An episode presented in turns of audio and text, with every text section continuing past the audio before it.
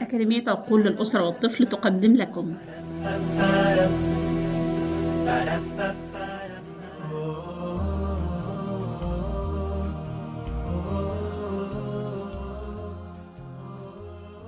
النصيحة الثانية عشر.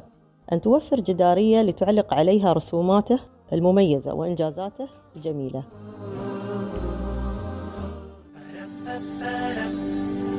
كنتم تستمعون إلى أكاديمية عقول للأسرة والطفل. رب همة أحياء أمة. شكرا لكم.